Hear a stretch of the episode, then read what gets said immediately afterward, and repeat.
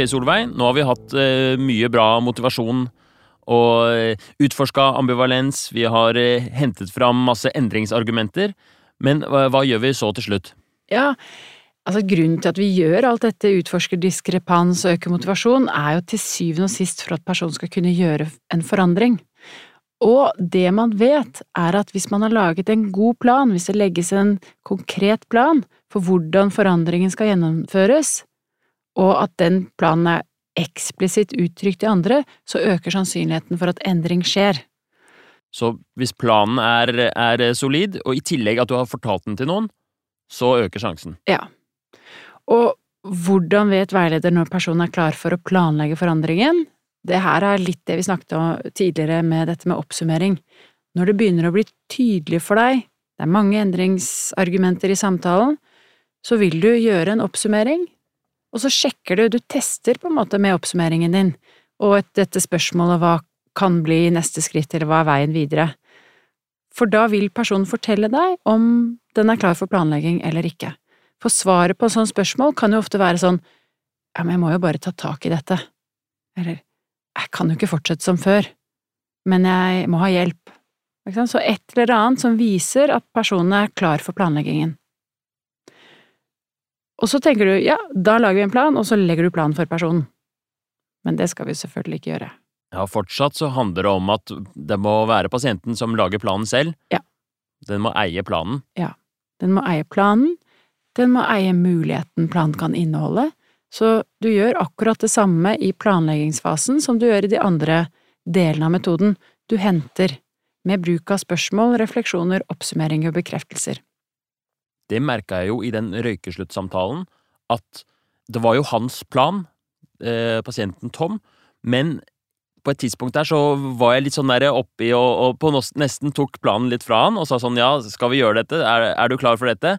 Og da ble han litt, da trakk han seg litt. Ja. At jeg måtte fingrene av fatet, liksom. Ja. Selv om når det er hans plan. Og det er et nydelig eksempel, igjen, på dette med Jeg kaller det hestehode foran og hestehode bak. Jeg vet ikke om det gir mening, men grunnen til at jeg bruker de ordene, er at vi skal skjønne at vi skal ligge et skritt bak personen, for ikke være den som drar framover, for du så det så tydelig. Hva gjør han? Setter hælene i bakken og rygger lite grann. Og du skal gjøre det motsatte, du skal ligge det hestehodet bak eller skrittet bak, sånn at han kan få lov til å eie det og gå videre sjøl. Så det er som et esel. Hvis du prøver å nappe i eselet, så stritter det imot, men hvis du gir den noen vennlige klaps på stumpen, så ja. jeg visste ikke at det var sånn med esler, men nå har jeg fått et viktig tips. Jeg tror i hvert fall at det er eh, Det å ligge bak, det tror jeg er lurt. Det, det syns jeg jeg har merka, i hvert fall i de få samtalene jeg har hatt her nå. Ja, utvilsomt. Men hva ligger i en god plan? Hvordan lager man, eller hvordan hjelper man pasienten å lage en god plan? Ja, det er flere ting. Det er jo kjempeviktig at en plan er gjennomførbar. Vi snakket litt om det når det gjaldt mestringstillit. Hvis du lager en plan som ikke er gjennomførbar, så kan du få personen til å gå på en ny smell. At den ikke får til det den har bestemt seg for, og så mister den motivasjon på det. Så ofte må du kanskje holde pasienten litt tilbake her, at de går litt for hardt ut. Kanskje de har lyst til å vise, tøffe seg litt for, for legen eller den de snakker med. Og så må du eh, roe det ned og gjøre det litt mer oppnåelig. Ja, for det er jo ofte sånn at hvis man får motivasjon, så tenker man ja, jeg skal, å, jeg skal gjøre det sånn, jeg skal trene hver dag. Og så hvis ikke det er gjennomførbart, så når jeg da ikke trener hver dag, så kan det hende at jeg mister motivasjon til å trene i det hele tatt. Sånn at det er mye bedre å gjøre det så gjennomførbart at personen vet at den kan få det til, og så heller være tett på å lage en ny samtale ganske snart, eller du sikrer at personen har en samtale med noen andre som kan følge opp planen. Og så er det jo én ting til med å lage en plan som er gjennomførbar, det er jo at den ikke er så lenge i varighet. Jeg skal slutte å røyke for resten av livet. Tom sa det jo fint når du snakket med han. Han sa at jeg kan jo bestemme meg for å la være å røyke i dag, og så kan jeg bestemme meg igjen i morgen, og så kan jeg bestemme meg hver dag. Ikke sant? Så det å lage en plan som er så kortvarig at du vet at du får det til, at du kan holde ut. La oss si det er én uke, da, eller to uker. Jeg vet at jeg klarer å holde ut i to uker. Og når de to ukene er gått, hvis vi da har en samtale, med personen, så kan vi lage en ny plan for to uker. Og så kan vi trappe planen opp hvis det er behov for det, eller trappe planen ned hvis det er behov for det. Sånn at vi sikrer suksessen, egentlig. Nydelig. dette med å følge opp og sånt noe, For en fastlege så er jo det mulig å, å sette opp en time noen uker fram i tid og, og, ta en oppfølging. Men er det noen andre måter å skape, skape den derre oppfølginga på? Kan man for eksempel lene seg på pasientens eh, eget nettverk eller sånne ting? Er det lurt å inkludere det? Absolutt. Det kan jo, altså planen kan jo se ut altså individuelt for hver enkelt person, og hvis det er den løsningen man har, så kan jo det være lurt å ta med i planen. Eh, det kan være lurt å ta med i planen om altså hvordan skal gjennomføringen skje, skal det være med en treningskamerat? Og det kan man oppnå, ikke ved å foreslå det, som jeg sa i stad, men mer sånn vi stiller spørsmål.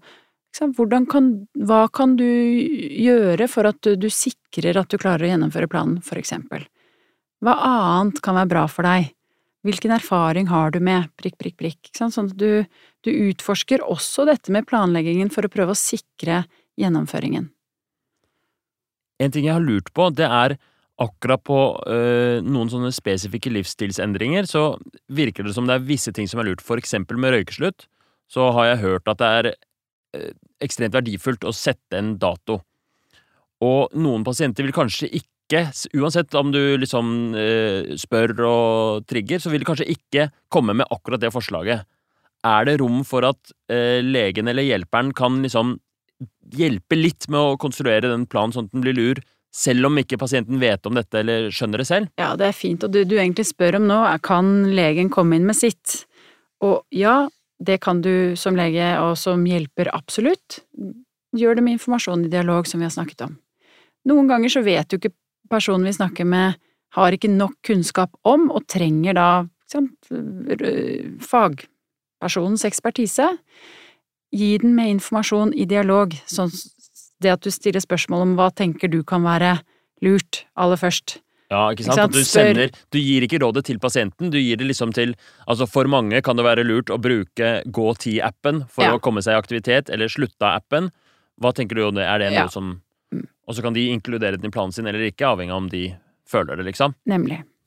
Som egentlig gjennomgående hele metoden handler om, å hente så mye som mulig fra personen, og å gi den informasjonen som er nødvendig for at personen skal få se hele bildet. Der tenker jeg det er en litt sånn der balansegang, fordi eh, den der korrigeringsrefleksen og sånt nå trer i hvert fall hos meg veldig inn når det kommer til den planen, for jeg føler jeg har veldig mange forslag, og gode forslag òg. Det finnes så mange hjelpemidler man kan bruke som, eh, som pasienten kanskje ikke kjenner til, og som kan være verdifulle og nyttige for pasienten. For du, altså som hjelper så har du jo mye kunnskap, kanskje erfaring med akkurat denne typen livsstilsendringer, og um, har vært gjennom det mange ganger. Pasienten har kanskje aldri trent mer, ikke sant? Så det, det er fint å ha liksom en metode for å kunne bruke den ressursen òg, da. Ja, og det er helt klart at du som fagperson, eller hjelper som fagperson, den kunnskapen skal jo brukes. Og selvfølgelig, hvis personen vet disse tingene fra før, så får du fram det ved å stille et åpent spørsmål om hva personen vet fra før. Og da kan du tilpasse den informasjonen du har, sånn at den får det den trenger for å kunne klare å gjennomføre en endring. Hvordan er det man sørger for at planen gjennomføres, da? Ja, det er jo de tingene vi allerede har snakket om, og så er det én viktig ting til, og det er å sikre gjennomføringen. Litt sånn som når du snakket med Tom. Dere var igjennom å utforske mulige fallgruver, mulige steder han kan gå på en smell, og hva skal han gjøre for å klare å opprettholde planen sin? Type sånn, hva gjør du hvis, eh, hvis du får røykesug, hva gjør du de tingene der, ikke sant? Ja, akkurat.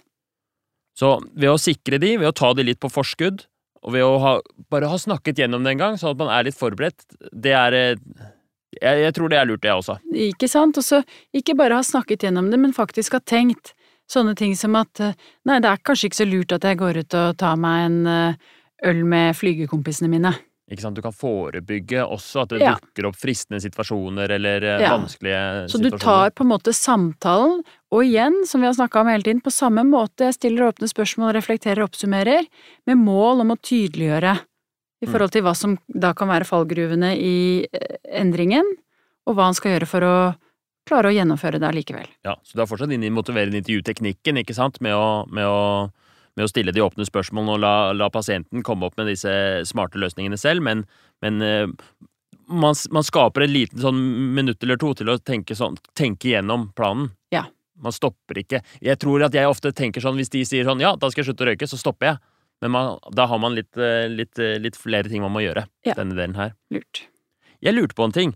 Um, en, noen pasienter uh, har den derre at de, vil Det virker åpenbart, sånn som med Tom, da. Det virker åpenbart at de vil veldig gjerne gjøre det, og de har egentlig trua på det. Men de, de føler seg ikke helt klare. Og da tenkte jeg på verdien av å gjøre litt sånn ritualet ut av det. Uh, for røykeslutt så er jo det å sette en dato Det blir jo litt sånn et ritual. Det blir sånn derre å ta den siste røyken og legge seg, og alt er litt sånn Er ikke det litt lurt, egentlig? At hvis en plan har et sånt rituale ved seg, så vil den kanskje være sterkere? Hva tenker du om det? Altså, et rituale vil jo egentlig være litt det samme som å skape en veldig sterk forpliktelse. Hvis du begynner å lage et rituale, så har du sikret Eh, personens forpliktelse til gjennomføringen av endringen, og det er jo en av de viktigste tingene vi gjør i metoden. Og så kan du si det kan være et ritual, men det kan være andre typer av forpliktelser. Altså personen på en måte sier at nå skal jeg kjøpe meg et treningskort, ja. og, og nå, jeg har bestemt meg, jeg skal begynne i morgen, så er det på en måte en Da vil vi sikre den forpliktelsen, for det vi vet er at det er en sammenheng, ikke bare med mengde endringssnakk i samtalen, for hvis det endringssnakket i samtalen er av sånn karakter som jo da, det hadde jo vært viktig om jeg trente litt mer, så er det ikke nødvendigvis en sammenheng med sannsynlighet for endring, men det er en sammenheng med sannsynlighet for endring når endringssnakket har forpliktende karakter, forpliktelsessnakk, sånn at ritualet, det er en måte å gjøre, å, å, å tydeliggjøre og forsterke forpliktelsen, vil jeg si. Så kult. Nå har vi vært gjennom masse. Vi har lært mye om motiverende intervju. Folk begynner å kanskje skjønne et par ting. Men du har jo hatt dette kurset her veldig mange ganger. Når folk er ute og tar sine første samtaler, hva er det ofte de sliter med? Altså, En ting som folk snakker mye om, er jo dette å holde tilbake lysten til å løse, lysten til å gi råd. Og det har vi jo snakket om. I tillegg til det så er noe av det som ofte skjer, er at folk får til å få kanskje fram ett endringsargument, og så er de litt sånn fornøyd med det, og så gjør de kanskje en oppsummering, og så blir ikke personen motivert, og så tenker de hm, dette funker jo ikke. Kunsten er å bygge den indre motivasjonen ved å hjelpe den personen man snakker med, i kontakt med det som er viktig, altså det som faktisk betyr noe i eget liv, og da holder det kanskje ikke å spørre én gang om hva som er mindre bra med det vedkommende gjør eller røykingen, men du må utdype det, du må utforske det på en sånn måte at det trer så tydelig fram for personen at det blir viktig nok til å bli motivert. Ok, så jeg tenker det er typisk, i hvert fall jeg kjenner meg litt igjen i det, at jeg har spurt eh, pasienten om, eh, om det, hvordan er det, vil du virkelig slutte å røyke eller et eller annet, og de sier sånn ja, jeg, jeg vil slutte å røyke, og det er viktig for meg fordi jeg vil tenke på helsa mi, og så stopper jeg litt der. Men at der kan jeg liksom bygge noe mer, er det det som er greia? Ja, og du kan bygge noe mer på flere måter. Du kan enten bygge mer ved å be personen om å fortelle om andre ting som er ulempe for vedkommende med å røyke. For én ting er helse, men det finnes jo flere ting. Det, det går på lukt, det går på øh, følelse, det går på penger. Så det er veldig mange muligheter til å hente fram endringsargumenter. Og så er jo hvert av de endringsargumentene, de kan også utdypes. Sånn at hvis personen snakker om ehm, ja, pust, da, at um, røyken påvirker eh, pusten, så kan du spørre om sånne ting som ja, hvordan Fortell om en gang du liksom syns det var tungt å Eller la oss si personen sier at jeg syns det kan være tungt å gå opp trappa. Så kan du spørre fortell om sist gang det skjedde.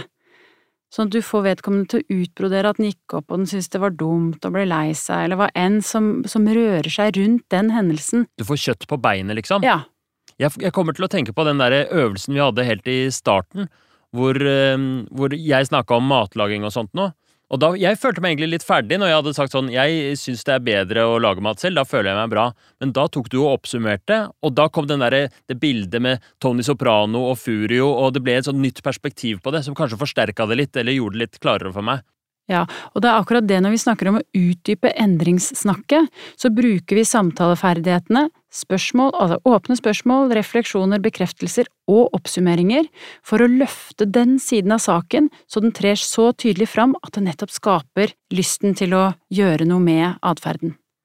Har det litt med sånn følelser og, og sånn også å gjøre? At jeg har inntrykk av at mange starter samtalen med å være veldig rasjonelle, og de sier at ja, det er viktig for meg å spare penger og god helse, men at de ikke føler det helt, de bare snakker. Men etter hvert som man dykker i det, så kommer det kanskje en tåre eller et eller annet, at det vekker noe, at det er lurt. Og det kan på mange måter kalles ytre og indre motivasjon. Altså en ytre motivasjon som er sånn ja ja, det er jo sikkert lurt, for det er jo veldig dyrt, til hva innebærer det faktisk for personen? Så bak den derre første endringsargumentet, den derre der så ligger det en skatt av uh, følelser og argumenter som du liksom kan nøste opp i og trekke fram, og det er, det er der gullet er, da? Er det sånn? Ja. For det er der verdiene til personen er. Det er der de viktige tingene fins, og når personen er i kontakt med det, så innser den virkelig hvor viktig endringen er, og det er da indre motivasjon oppstår holde pasienten i snakk på de der gode tingene, og bare la det strømme på. Ja, akkurat. Så det er veldig viktig å ha tillit til at når du holder personen i snakk, når du faktisk utforsker endringsargumentene for personen, så skjer det noe nytt hos personen. Det er en prosess som du stopper hvis du begynner å være utålmodig og skulle dra personen til endring. Nå er vi vel egentlig gjennom teoribiten som inngår i dette kurset, men helt til slutt, før vi tar den siste samtalen, da lurer jeg på, hvis jeg skal gjøre et motiverende intervju, så altså, det er jo veldig mye jeg skal kunne, og mye, mye teori bak, men hva er liksom skjelettet, hva er det jeg skal tenke at jeg skal gjøre? Hva, eller har du noen tips på det? Hva er det du tenker før når pasienten kommer inn, og du setter i gang, liksom? Altså, jeg tenker i en samtale så er det viktig for meg å få fram de gode grunnene personen har for å gjøre som før, og vise anerkjennelse for det.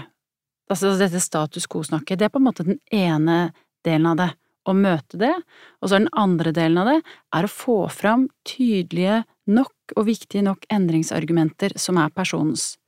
Sånn at jeg bygger den delen av saken som kanskje er uh, uklart for personen, og skaper klarhet. Får fram det så tydelig at det faktisk oppstår en diskrepans eller denne indre uoverensstemmelsen som gjør at personen egentlig ikke kan ha det sånn. Den vil, altså når den erfarer den indre uoverensstemmelsen, så begynner den å ville løse eh, sin egen situasjon. Og det er, det er hele motiverende intervjuet, egentlig? Ja, så, som, som, du selv sa, det er jo på en måte en, det er en kompleks metode. Men hvis man skal rydde i noe, så tenker jeg at det er en, eh, en god måte å skape ryddighet er i hvert fall for meg en sånn type samtale. Tusen takk.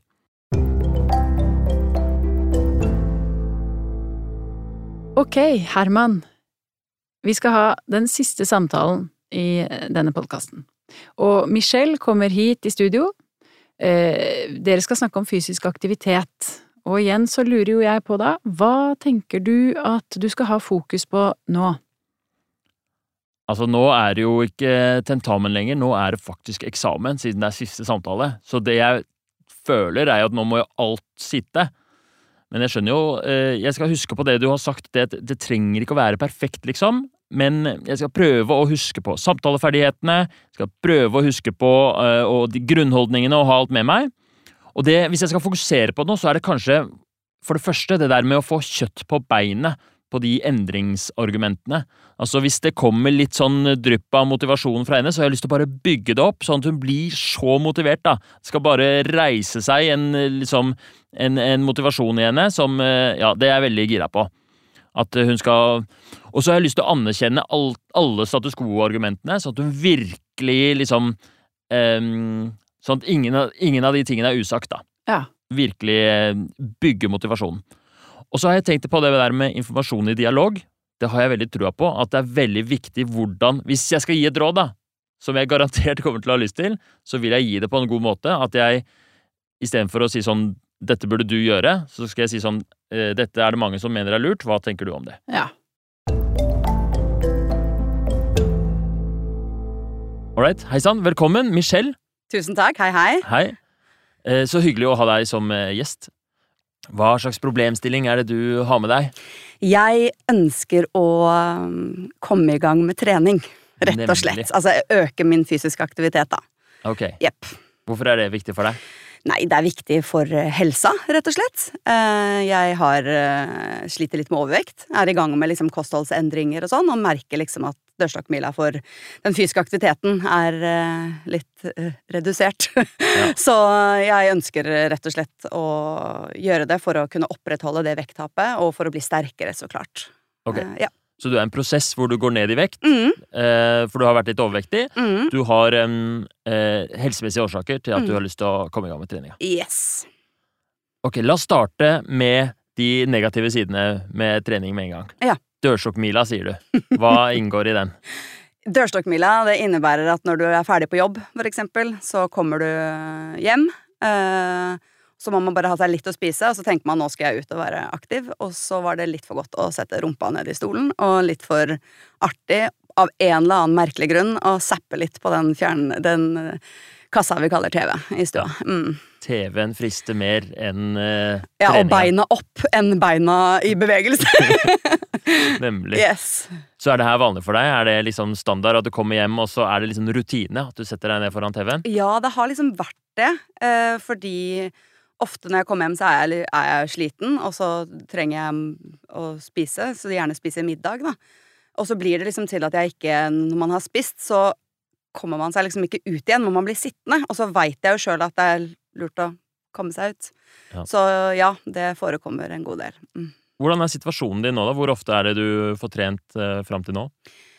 Eh, akkurat nå så driver jeg ikke med noe aktiv eh, trening. Jeg prøver å gå tur, i det minste, og så prøver jeg å bytte, jeg å bytte ut eh, heisen med trappene hjemme i blokka. Ja, så Ja. Det er situasjonen nå. Yes. Så mm, det er noen tiltak, da. Så det er jo, du får jo gått litt tur, og du tar i hvert fall trappa. Mhm. Men akkurat treningsbiten er ikke-eksisterende Ja. for øyeblikket. Det er rett og slett, Jeg er mer liksom litt i fysisk aktivitet, men noen treningsøkter er liksom ikke lagt inn i timeplanen. Nei. Mm. Hvilke Hva er liksom det verste du vet ved trening? Um, det verste er egentlig at jeg syns at trening kan være veldig moro. Ok. Så da, problemet på en måte blir jo da det å faktisk komme Altså å gjøre det. Fordi jeg har, eh, har hatt sånne perioder i løpet av livet og vært tidligere veldig aktiv. Eh, Så jeg syns det er gøy for eksempel med styrketrening. Men jeg klarer ikke typ løping, altså alle de klassiske liksom kondisjonstreningene. Det er gjerne fordi jeg har hatt veldig tung kropp.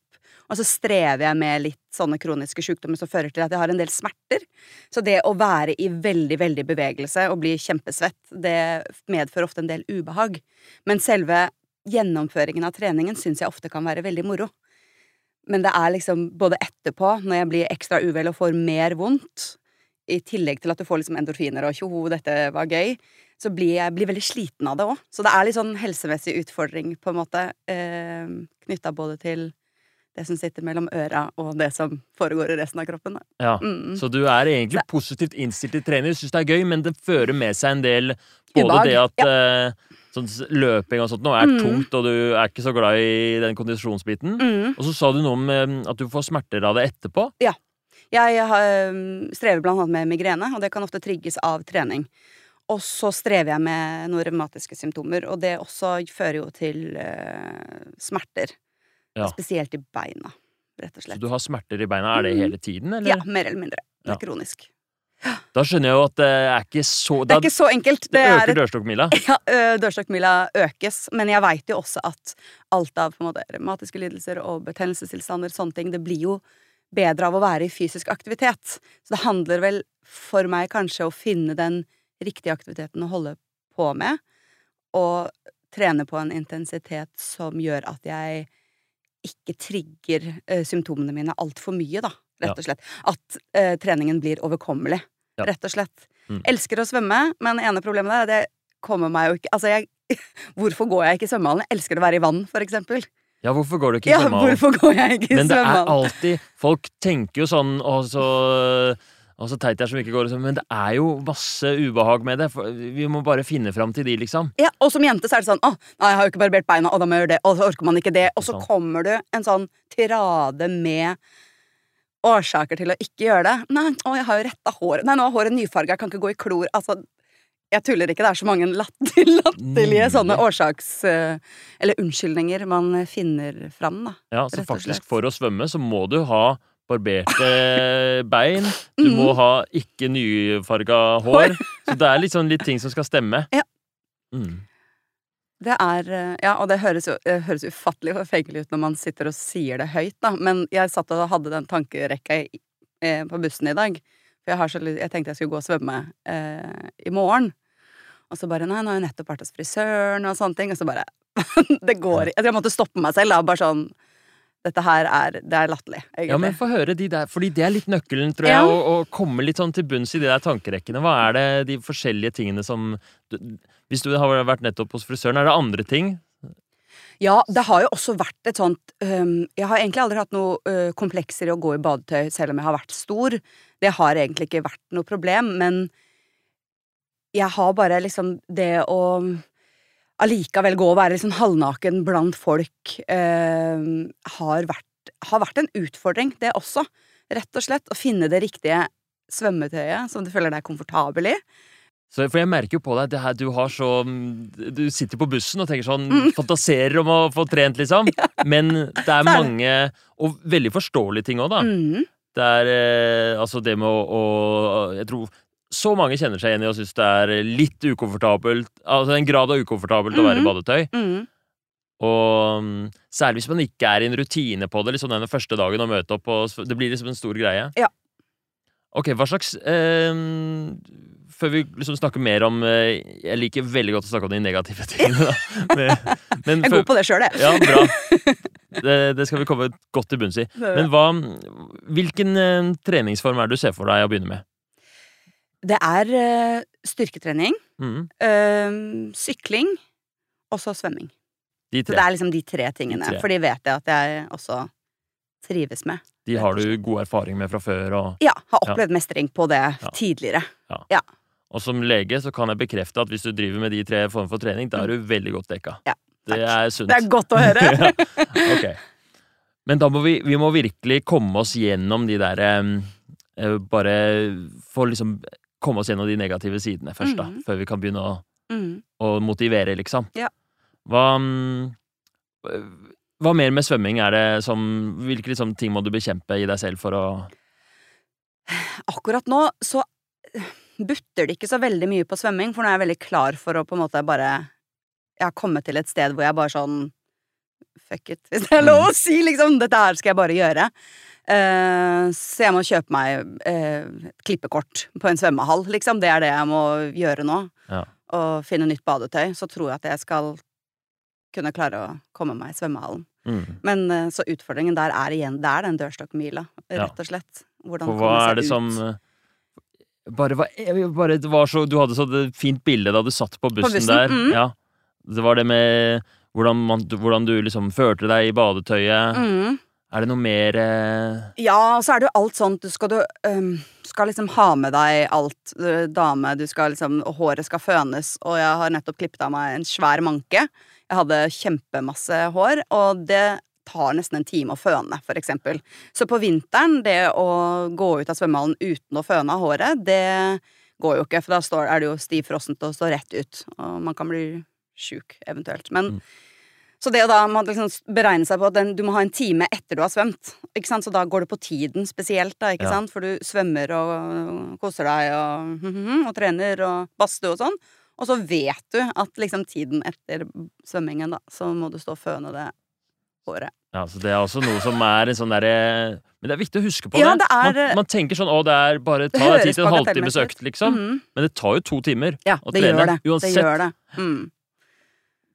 Hva med, mm, hva med de andre Hva med styrketreninga? Hvilke, da har du snakket om smerter, at det er Mm. smerte forbundet med det. Ja. Det gjør jo vondt. Det er smerte, smerte forbundet med det, rett og slett. Og så, så tror jeg liksom, hvis jeg tenker litt sånn dypere på det Fordi nå jeg har, har liggende hjemme litt ulike treningsopplegg og sånne ting. Jeg hadde PT for en stund tilbake siden, og så videre. Så jeg på en måte veit litt hva jeg skal gjøre og kan gjøre. Men eh, jeg sitter ofte allikevel med den følelsen av at jeg ikke gjør det. Hvis du skjønner? At jeg betviler min egen eh, Min egen evne til å kunne gjennomføre det, hvis du skjønner. Du, du trener, men du stoler ikke selv På på at at, jeg gjør det, det er trening. Ja, Mm. Eller at det er riktig, ja, du har tvil om sånn, gjør jeg noe feil? Ja. Den tanken kommer, liksom. Ja. Det er så drittanke, da. Det er sånn drittanke, fordi at jeg bare fikk det. jeg har jo kommet meg på trening. Det er jo bare å liksom gjøre de øvelsene og stol på, at, stol på deg sjøl at du husker det treneren har sagt, ikke sant? Og så Mm. står du der og bare Nei, nå tror jeg jeg gjør det likevel. Å, jeg husker at hun kom med en kommentar. Hva, hva var det igjen? Og så husker jeg Nei, da bare går jeg videre til neste øvelse. Typ. Ja. Altså, jeg begrenser meg selv veldig, da, eh, når jeg holder på. Da, det, da er jo, jeg kan se for meg det at det er, ikke så gøy å trene da, når liksom mye av, mye av greia er liksom en sånn følelse av at man feiler litt, eller at man gjør noe sånn ikke godt nok. Mm. Så den, den er ned, Det gruer du deg til. Ja.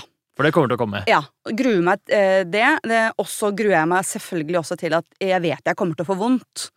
Eh, og nå dealer jeg jo med smerter hver dag, så jeg, jeg er veldig vant til å gå rundt og ha, kjenne på smerter. Eh, så da blir man også litt sånn livredd for å øke de smertene. Ikke sant? Du jo, driver jo med veldig mye unngåelsesatferd for å dempe smerter. Og det å sette i gang med noe på en måte som du vet trigger det og vil øke ubehaget en god del, da, det sitter litt langt inne. Kan du si litt mer om hvordan det, hvordan det øker smertene dine? Eh, det er eh, for eksempel med belastning på visse ledd, rett og slett. Eh, og at jeg hovner opp i de leddene. Altså det blir smertefullt og, og hovent. Skjer det når du trener, eller etterpå, eller? Jeg kjenner stort sett mens jeg trener også, men så Mm. kan hvis jeg på en måte har Ja, det er derfor jeg prøver å bli lettere òg, ikke sant, fordi det er jo det å tyngde Stor vekt på skra, skrøpelige ledd, det er, Er det ikke så godt. knærne, eller? Ja, og føttene. Jeg har eh, slitasje i de store uh, tåleddene, blant annet. Ja. Og så strever jeg med kronisk uh, plantarfasitt på begge føtter. Ja. Jepp. Så det er mye tøying som må, som må til, da. tøying, Mye og det gjør vondt. Eh, tøying gjør også vondt, ja. Ja. Eh, så men det, og det jobber med pusten og sånne ting, så jeg har veldig mye Mm. gode teknikker der, rett og slett. Så jeg er flinkere til å tøye enn jeg er til å trene, Ja. for å si det sånn. Ja. Ja. Men, eh, men eh, treningen da kan jo trigge det, og så trigger det jo hodet og litt andre plager også etterpå. Ja, Så du kan få migrene etter en treningsøkt òg? Mm. Er det alltid, eller er det uforutsigbart? Det er eller? ikke alltid. Det Mm. kommer, jeg har lagt merke til at det kommer an på intensiteten. Mm. Så, og da kommer vi inn på enda et punkt, for jeg går veldig heftig inn i de tingene jeg gjør. Blir veldig engasjert, og når jeg syns det er gøy, så har jeg en tendens til å rulle som den største snøballen inn i situasjonen. Og, så jeg må jobbe med å på en måte regulere ned min egen Altså Ja. akseptere at jeg Det er liksom low-key trening, da. Du er sånn person som, som eh, vet at du ikke skal trene så hardt, liksom, på grunn av mange årsaker, Mm. men så klarer du ikke la være å gå, for du blir ivrig. Yes. Jeg hadde en nydelig PT som på en måte Hun jobba mye med rehabilitering, da, ikke sant? Og da var det liksom Vi skulle trene med tanke på de eh, plagene jeg strever med. Og, og hun var liksom Hun måtte hele tiden liksom holde meg sant? Holde meg tilbake. Ja. Rett og slett fordi jeg køler på. Så øh, det er det med å akseptere at man ikke kan køle på, for min del. At det liksom bare det å bare gjøre bevegelsene og rolig og lav belastning og sånne ting, det er den riktige treningsformen for meg. Men da mister jeg litt av gleden i det, for noe av det jeg syns er gøy, er jo å kølle litt på og øke Ja. Mm. Det er litt kjedelig. Den treningen som du trenger, er litt kjedelig trening. Ja, jeg vil kanskje si det sånn, rett og slett. Det har vært det, i hvert fall tidligere. Jeg tror jeg har vært igjen, er i gang i en slags endringsprosess hvor jeg begynner å forstå at dette er viktig, så jeg må jeg må finne på en måte en glede, eller så må det være veldig interessant, da, som kanskje er den biten jeg må legge meg på. Det der å kjenne etter hva det faktisk gjør, da. De endringene der versus sist gang jeg var god på å trene, hva denne gangen så må jeg bringe med meg inn noe annet, da.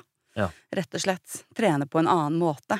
Og jeg må gjøre den endringen interessant, kanskje mer enn tenke at det skal være gøy, for trening Mm. må jeg gjennom. På en måte. Jeg, Hvis du skjønner det, liksom fors Mange tenker at åh, jeg må trene noe, og det må være gøy, ellers så klarer jeg ikke å gjøre det. Men jeg, jeg tenker heller at jeg vet at jeg er nødt til å trene. Trening er Det å være fysisk aktivitet er viktig for meg og helsa mi og livet fremover og alle de gunstige helsegevinstene der. Eh, Så jeg må på en måte finne det interessante i det, for der Ja. kan jeg ofte kicke. At det er litt spennende. Ok, Ja. hvordan kan jeg da legge til rette for at dette her kan jeg se på som et spennende og interessant prosjekt, da. Mer enn For da blir det litt gøy. Så du vil si deg villig til at det trenger ikke å være gøy-gøy, liksom, men det, så lenge det er eh, For du, det er så viktig for deg? Det er faktisk mer viktig for meg enn jeg tenkte før jeg kom hit. Du fikk meg til å forstå nå egentlig hvor viktig det er. Altså, eller nå når jeg snakker om det. Mm. Hva med syklinga, da? Hva er det, hva er det som er dritt med det? Oppoverbakker. det er vel eh, Dårlig kondisjon fører til at jeg blir veldig fort ufattelig, ufattelig sliten. Altså ikke bare dårlig kondisjon, men jeg har strevet, liksom, strevet mye med utmattelse på grunn av smerter og sånn, så jeg blir veldig det er, Jeg har ikke så mye overskudd øh, for tiden. Så kroppen min sier ekstremt fort ifra når jeg begynner å være Når pulsen min begynner å øke, så er det bare sånn Ja. kjennes ut som altså, Du begynner å skjelve, du blir kvalm, du blir svimmel. Altså, det Oi, da kommer det mye grums, liksom. Ja, ja, ja. Det kommer det masse grums. Det er Så du hater oppoverbakker. Ja, jeg gjør det. Det, det er Eh, lov, altså. Jeg hater oppoverbakker på sykkel og nedoverbakker på ski. Så dårlig eh, skidame her. Mm. Men eh, det gjør jeg nok. Hadde det bare vært bortover, så hadde jeg nok sykla mye, mer- mye mer. Skulle bodd i Danmark. Det Ja. har Mm, jeg fleipa ofte med. Mm. greit. Mm.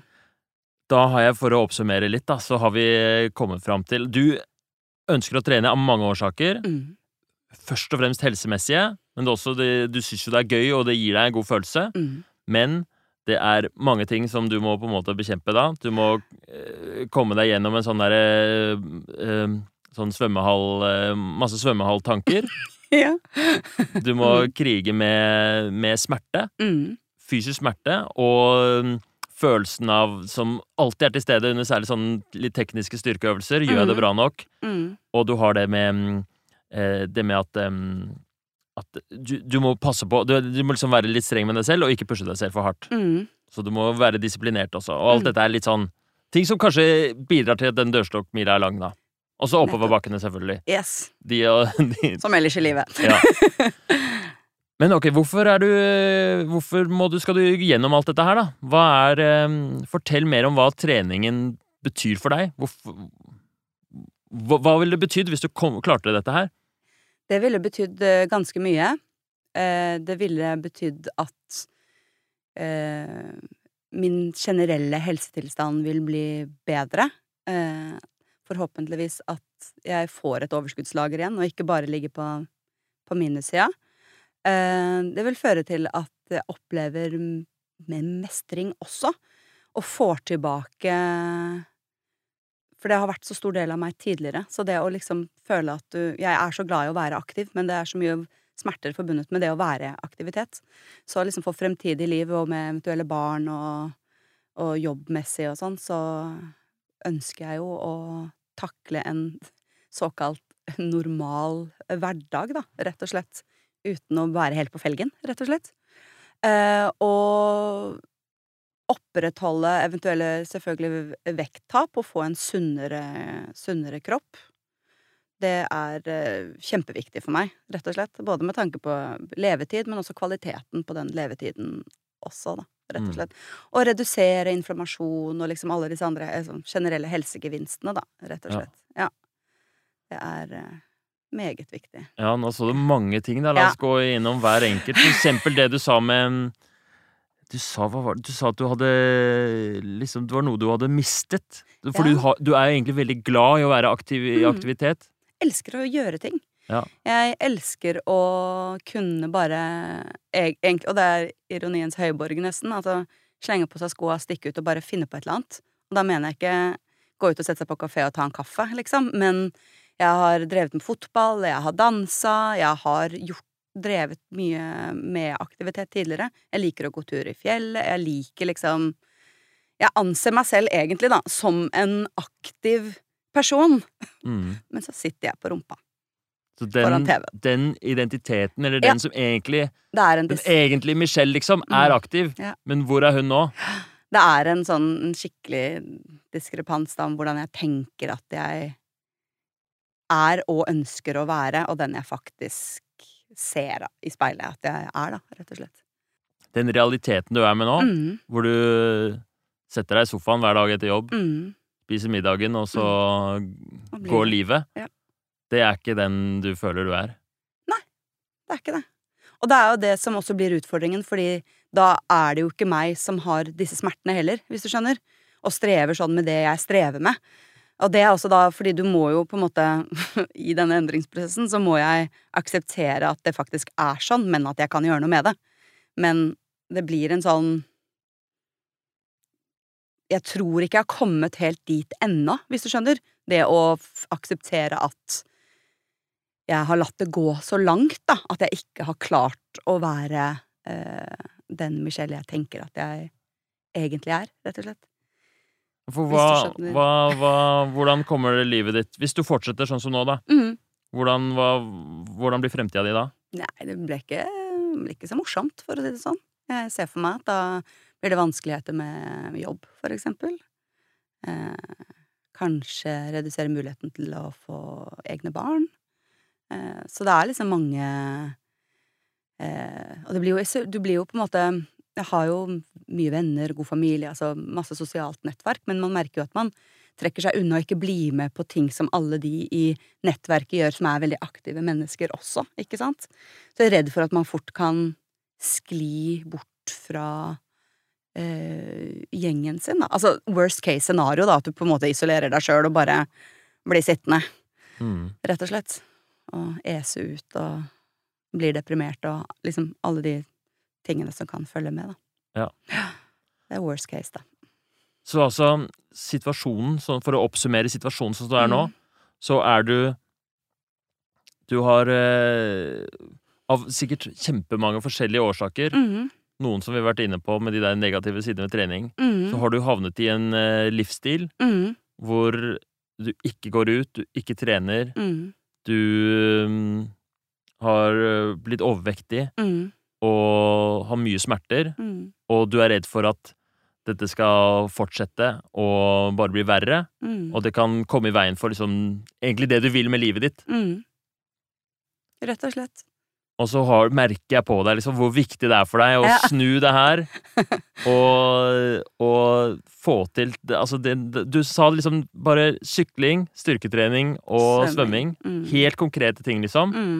som er eh, jeg, mer, jeg, jeg veit ikke om det stemmer, da, men du, du virker så motivert, da. Er du det? Ja, jeg Jeg er jo det. Jeg er motivert til å få til en endring. Det ønsker jeg virkelig, virkelig. Uh, og samtidig så føles det litt Kjenner jeg litt på håpløsheten ved om jeg kommer til å få det til. Fordi jeg har fått det til før, og så har man falt tilbake i gammel tralt, og så har jeg fått det til igjen.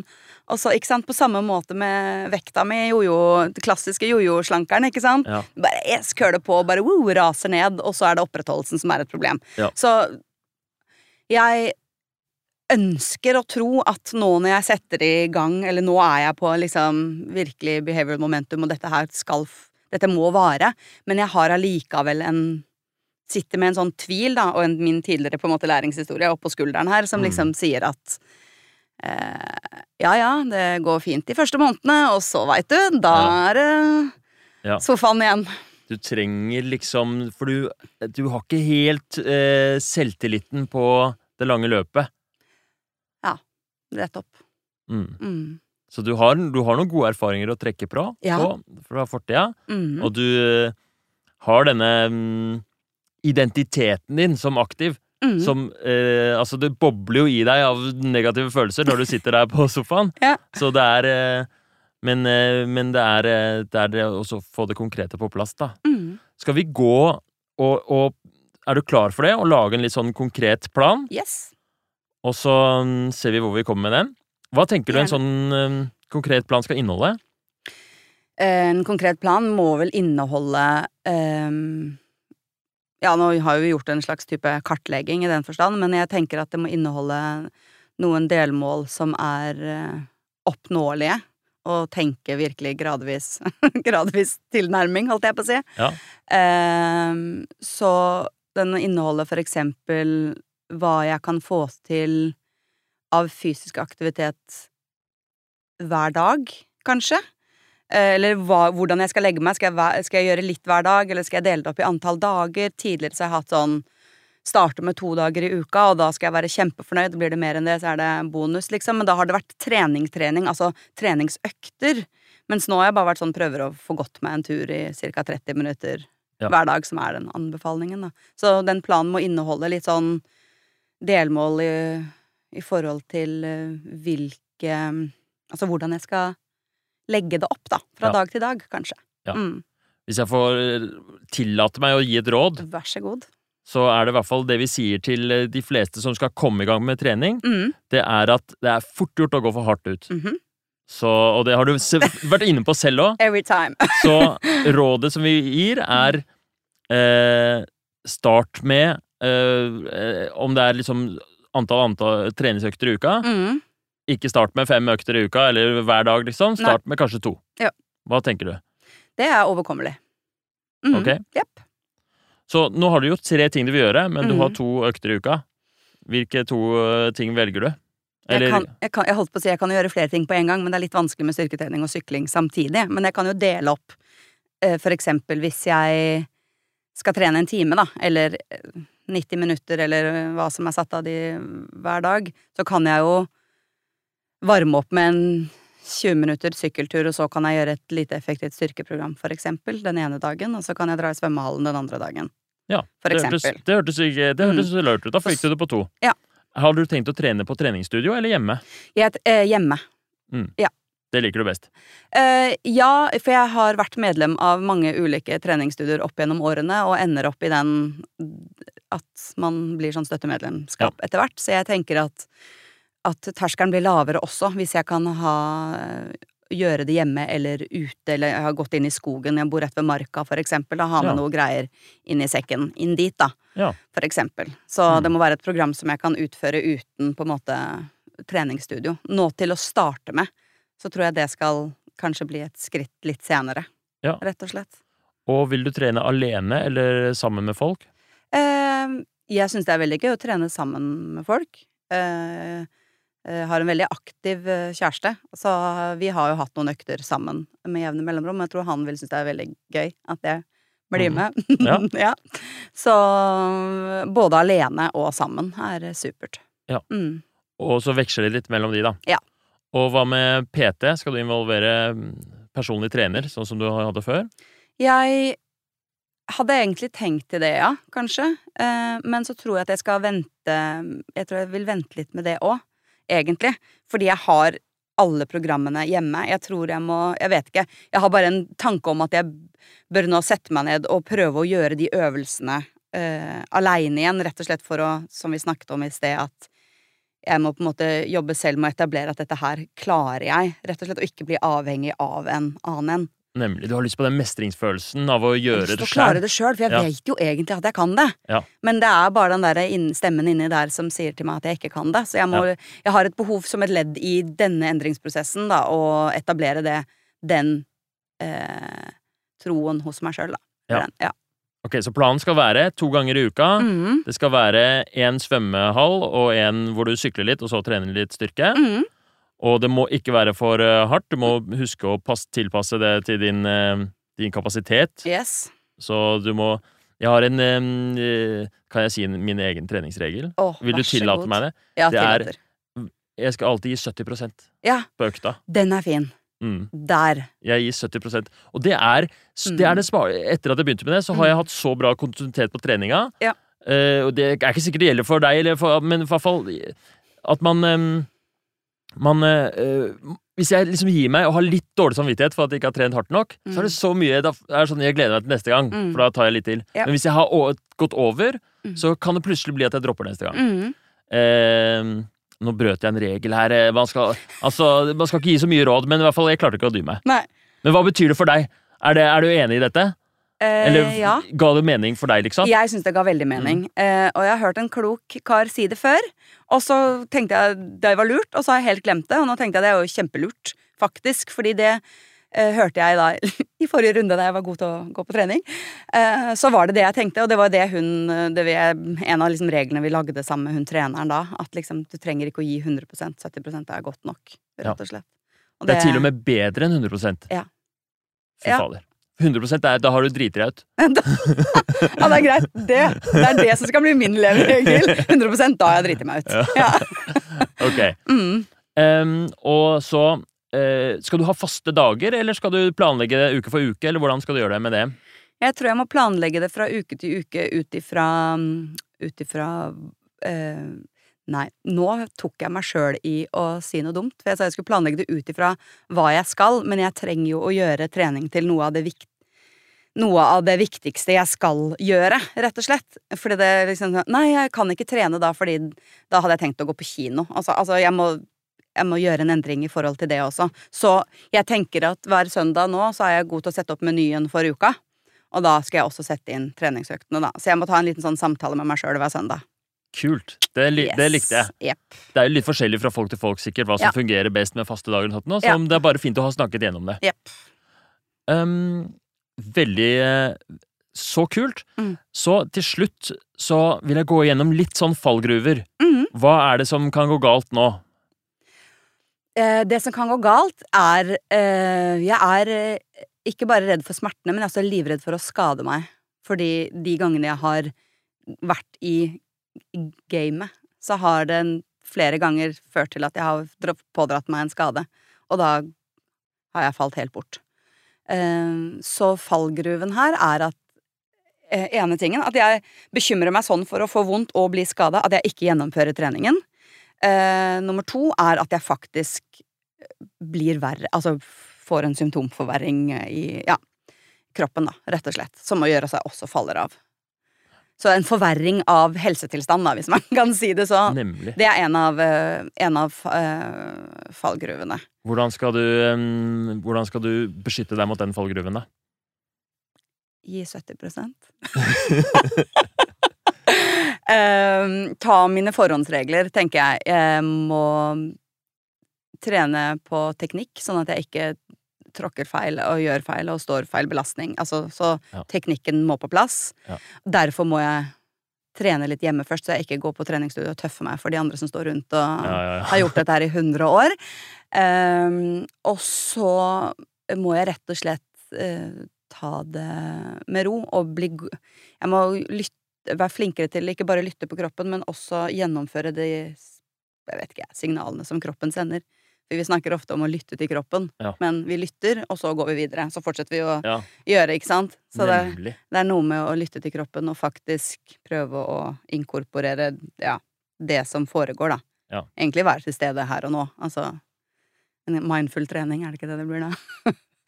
Spennende. Mm. Ok, men det er jeg, jeg hører på en måte når du sier at den fallgruven med å skade seg eller få mm. overtenning eller og, og, og sånt noe, Mm. der har du både problemet å svare på en gang med det med at du um, skal fokusere på å ta det litt rolig på Ja. treningene. Mm. Mm. Så fallgruven er jo at jeg kommer til å køle på. Ja. Yes. Det kan skje, men ja. Men da må jeg reise meg opp igjen, altså prøve på nytt, da. Det er noe Mm. med å ikke Jeg veit det kommer, det kommer til å skje. mm, En av dagene, en av øktene, en av perioden, så kommer jeg til å køle på og glemme å sette på bremsen. Ja. Og da, istedenfor å bli forbanna på seg sjøl og gi opp, så må jeg børste av skuldrene og knærne og reise meg opp igjen og prøve på nytt. Tenke at uh, moving on, rett og slett. Det er vel nøkkelen, tror jeg. Det her høres kjempebra ut. Jeg har, eh, jeg har fått eh, skikkelig trua, jeg. Nei, Jeg har blitt overbevist. Så bra. Det gjenstår å se om jeg har blitt overbevist. Vi får se. Ja. Hva, hva, hva tenker du selv? Jeg tror at det sitter en annen enn på den andre skulderen og sier at denne gangen så Nå er det såpass viktig at denne gangen kommer det til å gå, tror jeg. Rett og slett. Vi får i hvert fall håpe. Tusen takk for at du kom. Tusen takk skal du ha.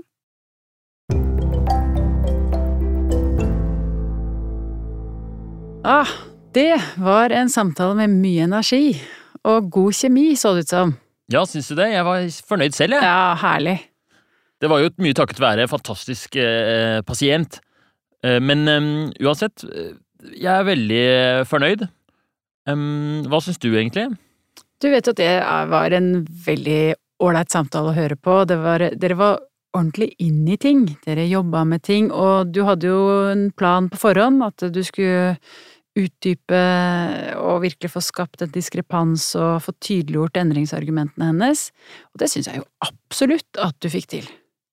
Ja, jeg følte det var, det var ganske gøy, egentlig, å gå ordentlig inn i, i de positive og de negative sidene, og liksom bygge de opp.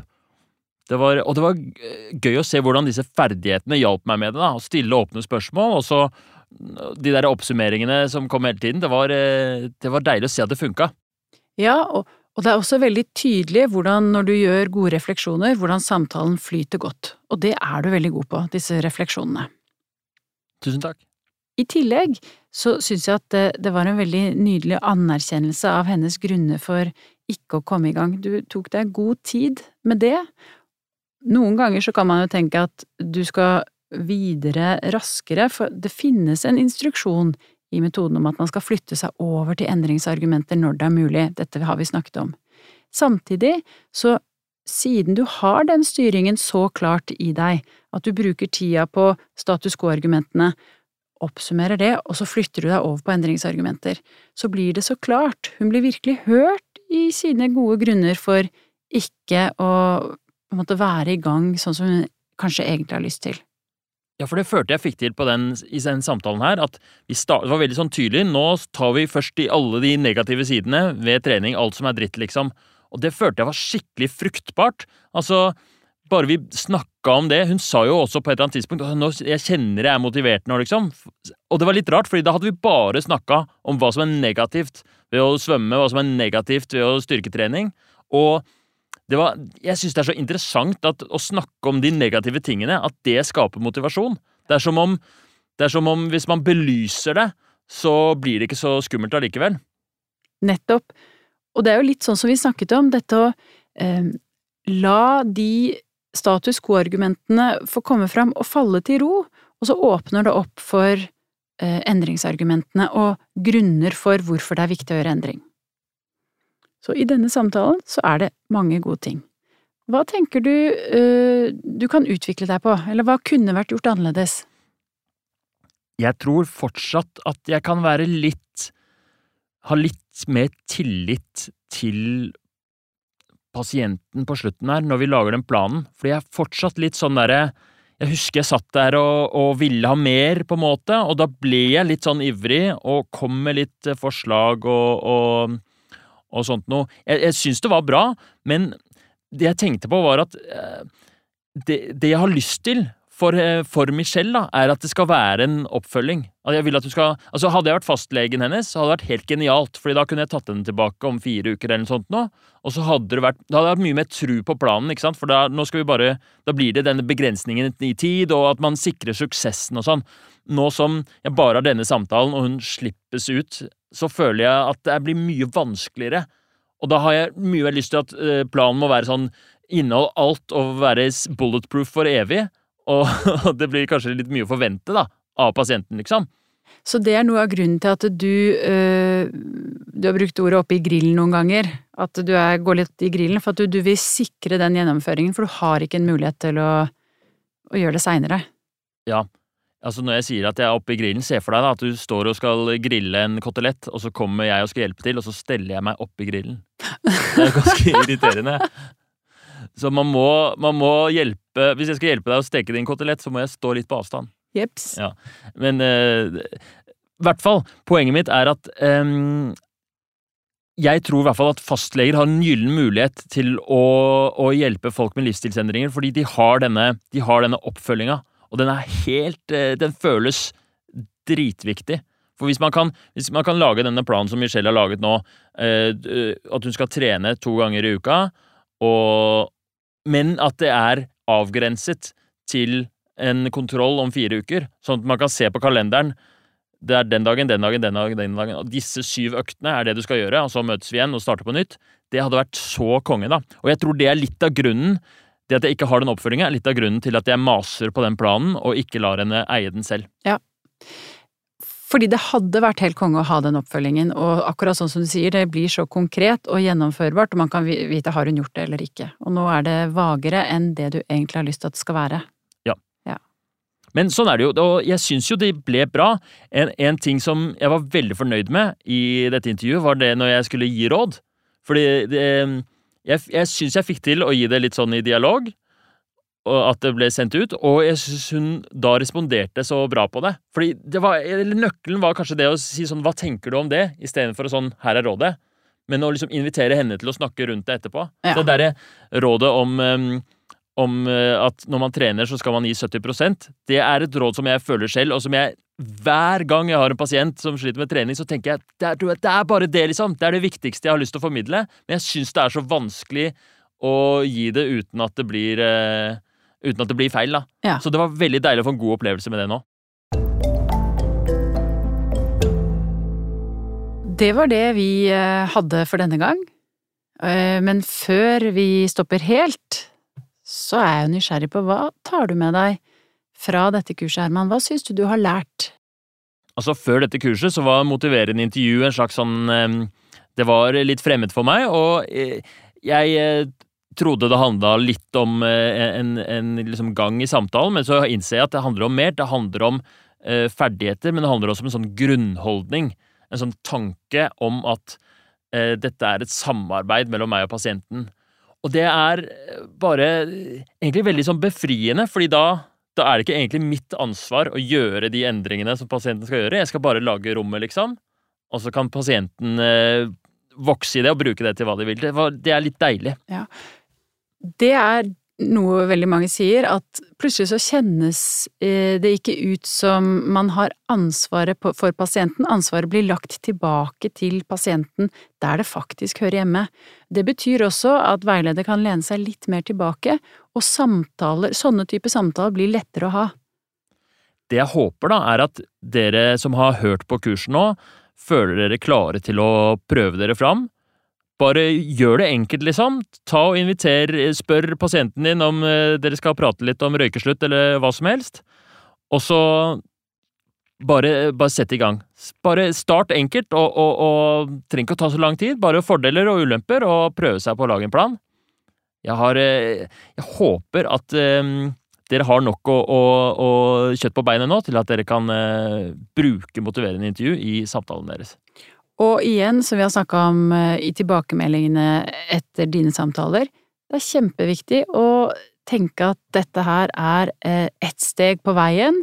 Det behøver ikke være perfekt. Prøv, øv, gi deg selv tilbakemelding, se hva du selv har gjort, og prøv å gjøre det annerledes neste gang hvis det ikke har funka.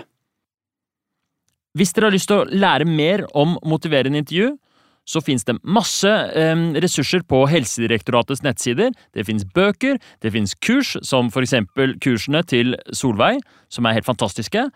Og man kan, eh, man kan se på YouTube-filmer, you name it. Det viktigste er at dere prøver dere fram. Har dere spørsmål eller tilbakemeldinger eller har lyst til å ha kontakt med meg eller Solveig på en eller annen måte, så kan dere ta kontakt med meg på Messenger, på altså Facebook-melding, til Herman Egenberg. Eller så kan dere sende melding til Solveig på sin Messenger. Ja, og det er Solveig Høeg Krohn. Så da gjenstår det bare å si tusen takk for oss. Det har vært en glede. Det har det virkelig. Det har vært en utrolig morsom erfaring å både sitte i studio og drive med dette kurset, og jeg håper at alle lytterne kan dra nytte av dette lille lynkurset i motiverende intervju. Hvis dere bare har lært en brøkdel av det jeg har lært, så er dette en kjempesuksess, for jeg har lært masse. Tusen takk for oss. Takk for oss. Ha det bra.